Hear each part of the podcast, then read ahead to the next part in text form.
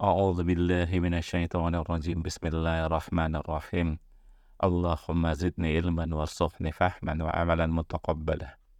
Pengantar penerbit Kitab Babon Kaum Sufi oleh Anis Mahtuhin LC. Inilah kitab legendaris itu, kitab yang akan mengguncangkan mata umat Islam. Entah kenapa, kitab Al-Hikam karangan Ibnu Ata'illah Al-Iskandari ini begitu melegenda Padahal secara isi dan materi, buku ini cukup berat untuk dicerna oleh nalar biasa. Apalagi kitab aslinya berbahasa Arab gundul alias tak berharokat sedikit pun.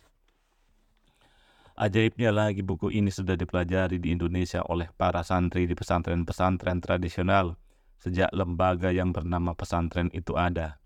Kemudian, sejalan dengan perkembangan dakwah Islam banyak pula kiai tariqah membacakannya secara sporadis di depan jamaah yang umumnya adalah kalangan awam dan juga lebih sering didominasi oleh kalangan menengah ke bawah. Selain itu, yang menjadikan buku ini semakin membuat penasaran adalah sisi kontroversialnya sebagai sebuah buku babon induk kaum sufi yang dewasa ini banyak menjadi perdebatan dan sumber pertikaian paham di tengah-tengah umat. Misalnya, ketika ilmu tasawuf pada zaman ini, khususnya di Indonesia, sedang didera kritik oleh para pengikut puritanisme, buku ini justru menjadi sumber inspirasi dan bahan materi pelatihan-pelatihan profesional serta pengajian-pengajian modern yang bernilai entertain seperti yang dilakukan MH Najib, Kiai Haji Abdullah gimnastiar agim hingga motivator kondang seperti Mario Teguh. Kiai Haji A. Mustafa Bisri mendudukkan kitab ini sebagai mutiara-mutiara cemerlang untuk meningkatkan kesedaran spiritual. Kiai Haji Said Akil Siraj menilainya sebagai kitab yang sangat penting untuk para pecinta jalan spiritual. Kiai Haji Hashim Musyadi memilihnya sebagai nama pondok pesantren di Malang, Malang Al-Hikam. Bahkan penulis novel bestseller Ketika Cinta Bertasbih Habibur Rahman El Sirasi mengutip nama kitab ini sebagai salah satu bagian dalam alur novelnya. Bahkan tak sedikit umat Islam yang mengaku berpaham paling suci dan mengharamkan ajaran sufi, malah secara tak sadar mengutip hikmah-hikmah dari kitab Al-Hikam ini. Dalilnya pun standar, unzur maqalah wala tanzur maqalah. Lihatlah apa yang diucapkan dan jangan pandang siapa yang mengucapkan. Padahal sejarah telah mencatat bagaimana Ibnu Athaillah telah berdebat sangat sengit dengan bin Taimiyah terkait kritik terhadap ajaran-ajaran sufi. Menurut Taimiyah ajaran tasawuf terlalu mengada-ada dan tidak ada dasarnya baik dari sunnah Rasulullah SAW maupun dari Al-Quran. Meskipun setelah perdebatan itu terjadi, beliau mengakui bahwa apa yang dilakukan dan diajarkan oleh Ibnu Atta'illah adalah sesuatu yang penting bagi umat ini. Uniknya memang ketik, memang kitab ini. Untuk lebih lengkapnya, Anda bisa meriset sendiri di internet perdebatan pendapat yang sengit dan lucu-lucu mengenai keberadaan kitab dan ajaran tasawuf sejak subhanallah. Legenda karena keikhlasan penulisnya. Demikian pendapat bapak saya Kiai Hadi Rosidi Tamam yang kebetulan menjadi kiai di kampung dan tak pernah mengetahui tentang masalah royalti buku pada zaman itu Beliau menulis kitab ini hanya semata-mata untuk Allah memberikan jalan kepada umat ini agar lebih mengenal dan lebih dekat dengan Sang Penciptanya. Dia tak pernah berharap menjadi terkenal dengan bukunya. Bahkan ia pun mungkin tak pernah menyangka bila kamu mau menerjemahkan dan menerbitkannya. Demikian penjelasan Bapak saya. Saya sebenarnya ingin sedikit membantah komentar itu namun bapak saya terlanjur menegaskan, jadi kitab ini sebenarnya melegenda karena keikhlasan penulisnya. Titik. Ya, sudah saya pun tak berani meneruskan. Bapak saya kemudian banyak bercerita tentang kedudukan buku ini di dunia pesantren.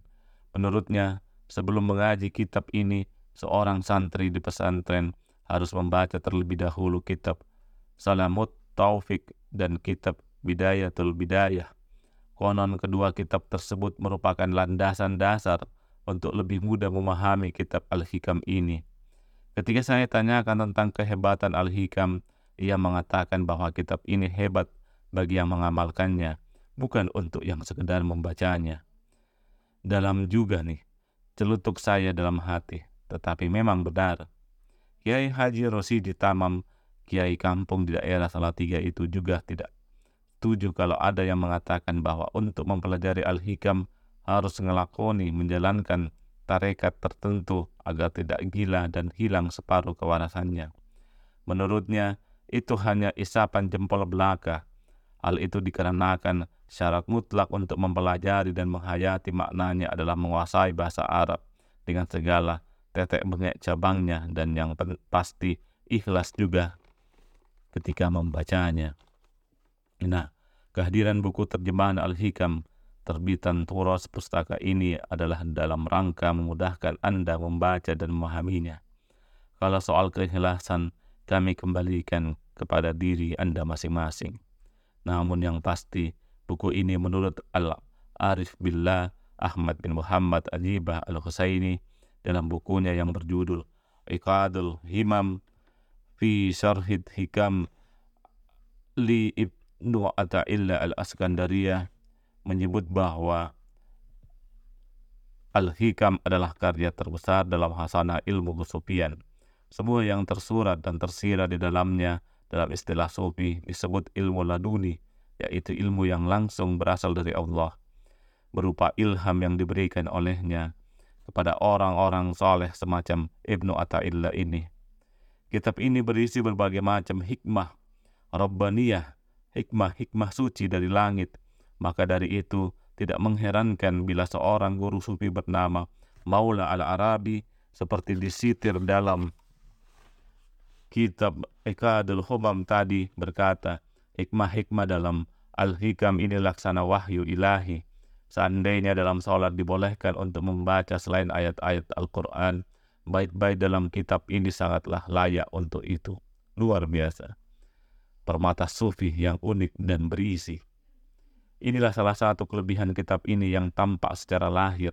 Sebagai sebuah karya tulis, kitab ini cukup unik dan indah, ditulis dalam bahasa meditasi dan gaya bahasa yang tiada tandingannya. Boleh dibilang buku ini menjadi menarik dan terwariskan dari generasi ke generasi, tak lain karena berhasil meramu ajaran-ajaran spiritual yang tinggi dalam sebuah kemasan bahasa yang memesona sekaligus keyakinan yang mendalam. Ada yang menarik dan belum banyak yang mengetahui tentang penulisan buku ini. Satu sumber menyebutkan kitab ini sebenarnya bukan ditulis secara langsung oleh bin Ata'illah. Namun, ia hanya mendiktekannya kepada salah seorang muridnya yang bernama Taqiyuddin al-Subi. Itulah cara yang biasa dilakukan oleh ulama-ulama dalam dahulu dalam menulis kitab. Contoh serupa adalah Imam Syafi'i ketika menulis kitab Al-Um yang sedemikian tebal dan berjilid-jilid. Imam Syafi'i mendiktekannya kepada Ar-Rabi yang kemudian menuliskannya ke dalam lembaran-lembaran manuskrip yang akhirnya sampai ke kita dalam bentuk buku yang modern seperti saat ini. Kembali kepada kitab Al-Hikam adalah tidak berlebihan juga jika kita menyebut buku ini sebagai permata dalam mahkota sastra kaum sufi. Dengan kelebihan dimensi mistis keseseteraannya, Buku ini mampu menjelaskan dengan sederhana dan lugas tentang cara hidup Islam, baik secara lahir maupun batin. Oleh karena itu, kitab ini sangat tepat menjadi panduan bagi orang-orang yang ingin menggapai kesempurnaan akhlak, pelkarima, dan puncak spiritual. Berbagai petuah yang tertuang dalam buku ini adalah hasil refleksi kontemplatif tentang hubungan manusia dengan penciptanya. Maka dari itu, Kitab ini seolah-olah dirancang oleh penulisnya sebagai panduan etik untuk pembangunan rohani para pencari kebenaran spiritual di mana pun dan siapa pun mereka. lebih dekat dengan penulis. Tentu saja pembaca tak perlu khawatir akan melenceng dari ajaran agama Islam bila membaca buku ini, karena petikan-petikan hikmahnya mengandung makna mendalam dan senantiasa didasarkan pada Al-Quran dan As-Sunnah. Bahkan buku ini menjadi penting karena menjelaskan kedua landasan utama agama Islam tersebut dalam masalah yang berkaitan dengan tauhid, etika, dan perilaku sehari-hari. Selain itu, kredibilitas Ibnu Atta'illah dalam kancah intelektualitas dan keulamaan tak perlu diragukan lagi.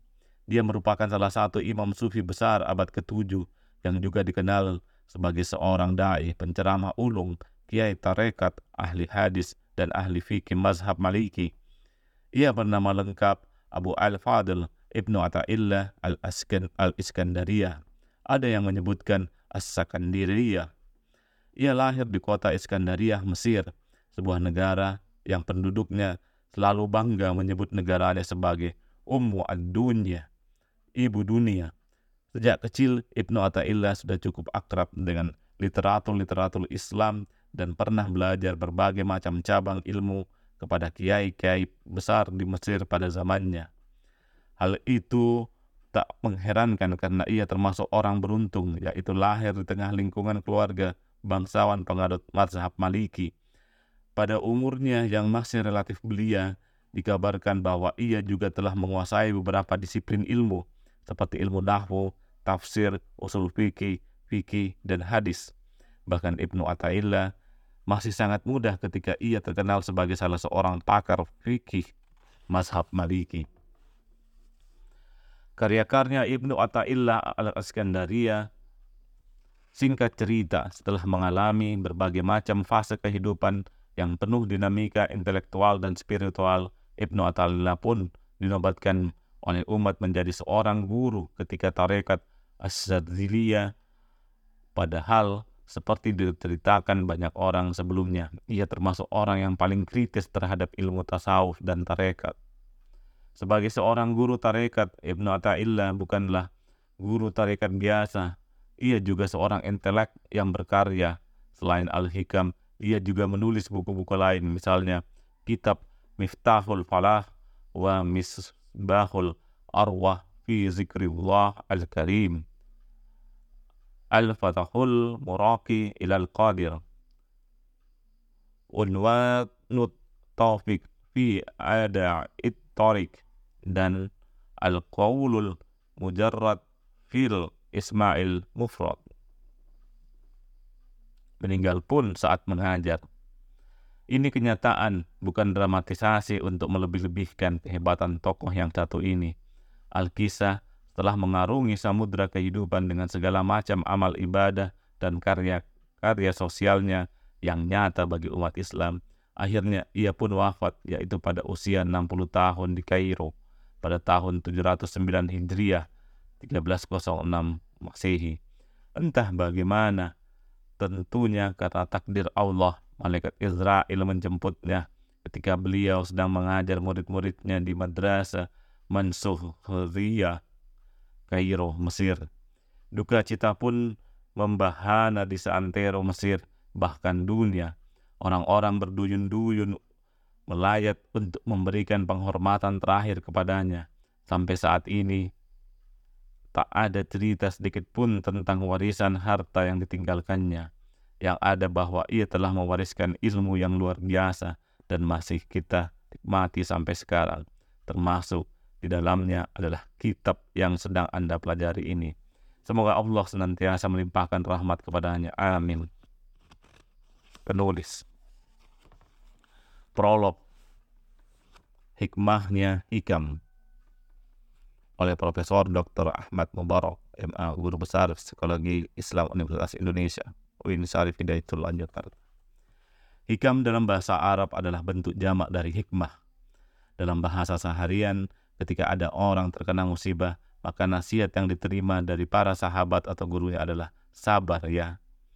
Ambil hikmahnya saja.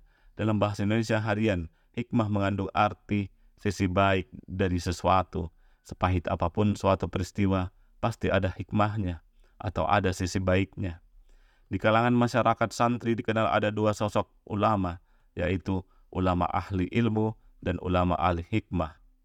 Ulama ahli ilmu biasanya mengajarkan ilmu agama sesuai dengan prinsip-prinsip keilmuan. Ia juga bisa terlibat dalam perdebatan terbuka, bahkan bermujadalah dengan mengajukan berbagai macam argumen dan dalil-dalil akli maupun nakli.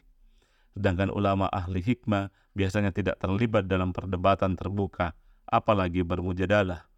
Ia lebih banyak diam, tersenyum, dan melayani orang-orang yang datang untuk memohon doa atau solusi. Jika para ulama ahli ilmu memiliki standar keilmuan yang jelas, sebaiknya para ulama, sebaliknya para ulama ahli hikmah tidak diketahui secara persis standar keilmuannya. Bahkan di mata awam, antara ulama ahli hikmah dan dukun jaraknya sangat tipis. Di kalangan awam, kata hikmah juga biasa diterjemahkan dengan kata bijaksana, dan kata bijaksana biasanya disandingkan dengan kata adil dan bijaksana. Adil diartikan sebagai meletakkan sesuatu pada tempatnya. Wat usya'i fi bahilihi. Sedangkan bijaksana dipahami sebagai meletakkan sesuatu tepat pada tempatnya. Jika keadilan banyak memakan korban, orang yang dianggap salah terkena hukuman, kebijaksanaan biasanya lebih banyak menghindarkan orang bersalah dari hukuman. Orang baik yang melakukan kekeliruan bahkan sering disebut sebagai terlalu bijaksana. Kebijaksanaan bisa membuat orang yang kalah tidak merasa terhina. Kebijaksanaan juga bisa membuat orang yang kehilangan tidak merasa terkena musibah. Dalam bahasa Arab, hikmah juga bisa dipahami sebagai kekuatan gaib. Dalam Al-Quran tertulis, Udu'u ila sabili rabbika bil hikmah. Dan seterusnya, artinya, ajaklah ke jalan Tuhanmu dengan cara hikmah. Terjemahan bahasa Indonesia mengartikan hikmah dengan kata bijaksana, tetapi sejumlah ahli tafsir memahami hikmah di sini sebagai ilmu pengetahuan atau ilmiah. Ayat ini berbicara tentang ragam objek dakwah yang berdekatannya juga harus beda. Orang terpelajar mestilah didakwahi dengan pendekatan ilmiah atau hikmah, sedang orang awam mestilah didakwahi dengan mau'izah hasanah atau nasihat yang baik. Sebab jika didekati dengan dakwah ilmiah, orang awam tidak paham. Adapun orang munafik yang jelas-jelas menentang dan tidak menghormati dai, ajaklah mereka dengan mujadalah dengan argumentasi yang tak terbantahkan dan dalil yang tak terkalahkan. Dari kata hikmah, ia ini kemudian juga bisa menjadi al-hakim, sehingga ada tokoh yang disebut di dalam Al-Quran bernama Luqmanul Hakim. Para ahli tafsir banyak menerjemahkan Luqmanul Hakim dengan Luqman sang bijak atau Luqman sang filsuf. Jadi hikmah juga berarti filsafat. Pada era keemasan peradaban Islam, banyak sekali lembaga keilmuan atau filsafat yang menggunakan label hikmah seperti Baitul Hikmah, rumah kebijaksanaan, Manba'ul Hikmah, sumber kebijaksanaan, atau Darul Hikam, kampung kebijaksanaan. Ciri filsafat adalah berpikir mendalam, jadi meski ada perbedaan yang mencolok dalam memahami kata hikmah, tetapi pemahaman kata hikmah baik dalam pengertian filsafat maupun bijaksana, hingga pengertian yang agak mistis di kalangan santri Jawa, semuanya memiliki unsur-unsur mendalam. Lalu bagaimana dengan Al-Hikam, uh, Ibnu Ata'illah al-Askandaria ini? Pada era itu, kata hikmah lebih bernuansa tasawuf. Inti tasawuf adalah pada bagaimana orang bisa merasa dekat, sedekat-dekatnya dengan Tuhan. Pada era itu, sudah barang tentu banyak mutasawif orang yang menempuh jalan sufi, tetapi yang sudah bisa disebut sufi sangatlah sedikit. Selain Imam Ghazali, jarang sekali ulama sufi yang menulis buku. Biasanya kata-kata hikmah seorang sufi dikutip orang kemudian diberi syarah, ulasan atau kajian oleh orang lain. Lalu disyarah, diulas, dikaji lagi sehingga menjadi banyak buku. Buku yang sedang Anda baca ini bukanlah karangan Ibnu Athaillah, tetapi syarah atau komentar yang ditulis oleh Syekh Abdullah As-Sarqawi terhadap buku Al-Hikamnya Ibnu Athaillah. Perlu diketahui bahwa Al-Hikam Al-Athaillah Al-Ataiyah karya bin Ata'illah bukanlah Al-Hikam yang pertama. Memang kitab ini sangat memukau, kedalaman ma'rifatnya sangat memikat dalam untaian mutiara kata yang mempesona sehingga kitab ini sangat tenar. Namun sesungguhnya sebelum Al-Hikam karya Ibnu Ata'illah itu ditulis, bahkan jauh sebelum ia lahir, telah ada Al-Hikam lain yaitu Al-Hikam Al-Gutsiyah karya Abu Madian Shu'aib bin Husain Al-Ansari yang lahir di Spanyol 520 sampai 594 Hijriah. Sementara Ibnu Athaillah diperkirakan lahir antara 658 sampai 679 Hijriah. Diduga pada era itu banyak karya tasawuf yang bercorak seperti Al-Hikam, yakni kata-kata mutiara yang serat makrifat secara mendalam dan mempesona. Inti tasawuf adalah pada substansi hubungan manusia dengan sang khalik. Manusia menurut konsep tasawuf adalah tajalli, pengejauhan tahan dari kebesaran Tuhan. Oleh karena itu, manusia juga memiliki kehebatan, kesempurnaan, dan kegaiban yang tak pernah tuntas pembahasannya menurut Dr. Alex Carrel dalam bukunya Mando Unknown judul aslinya Al-Insan Zalika Al-Majhul Pertanyaan tentang manusia hingga hari ini pada hakikatnya masih tetap tanpa jawaban. Tasawuf muncul ke permukaan sesungguhnya merupakan respons terhadap budaya materialisme yang melanda umat Islam generasi pertama. Sebagai konsekuensi dari kemakmuran dunia Islam pada masa era Umayyah dan Abbasiyah yang menggantikan Imperium Romawi dan Persia, karena tasawuf model Al-Hikam ini merupakan ekspresi penghayatan spiritual terhadap dinamika sosial yang cenderung menyimpang dari nilai-nilai akhlak Islam. Ketika banyak anggota masyarakat yang lebih mengedepankan argumentasi akli dan nakli para sufi merumuskan kaidah-kaidah agama berdasarkan ma'rifat dalam bentuk kata-kata mutiara.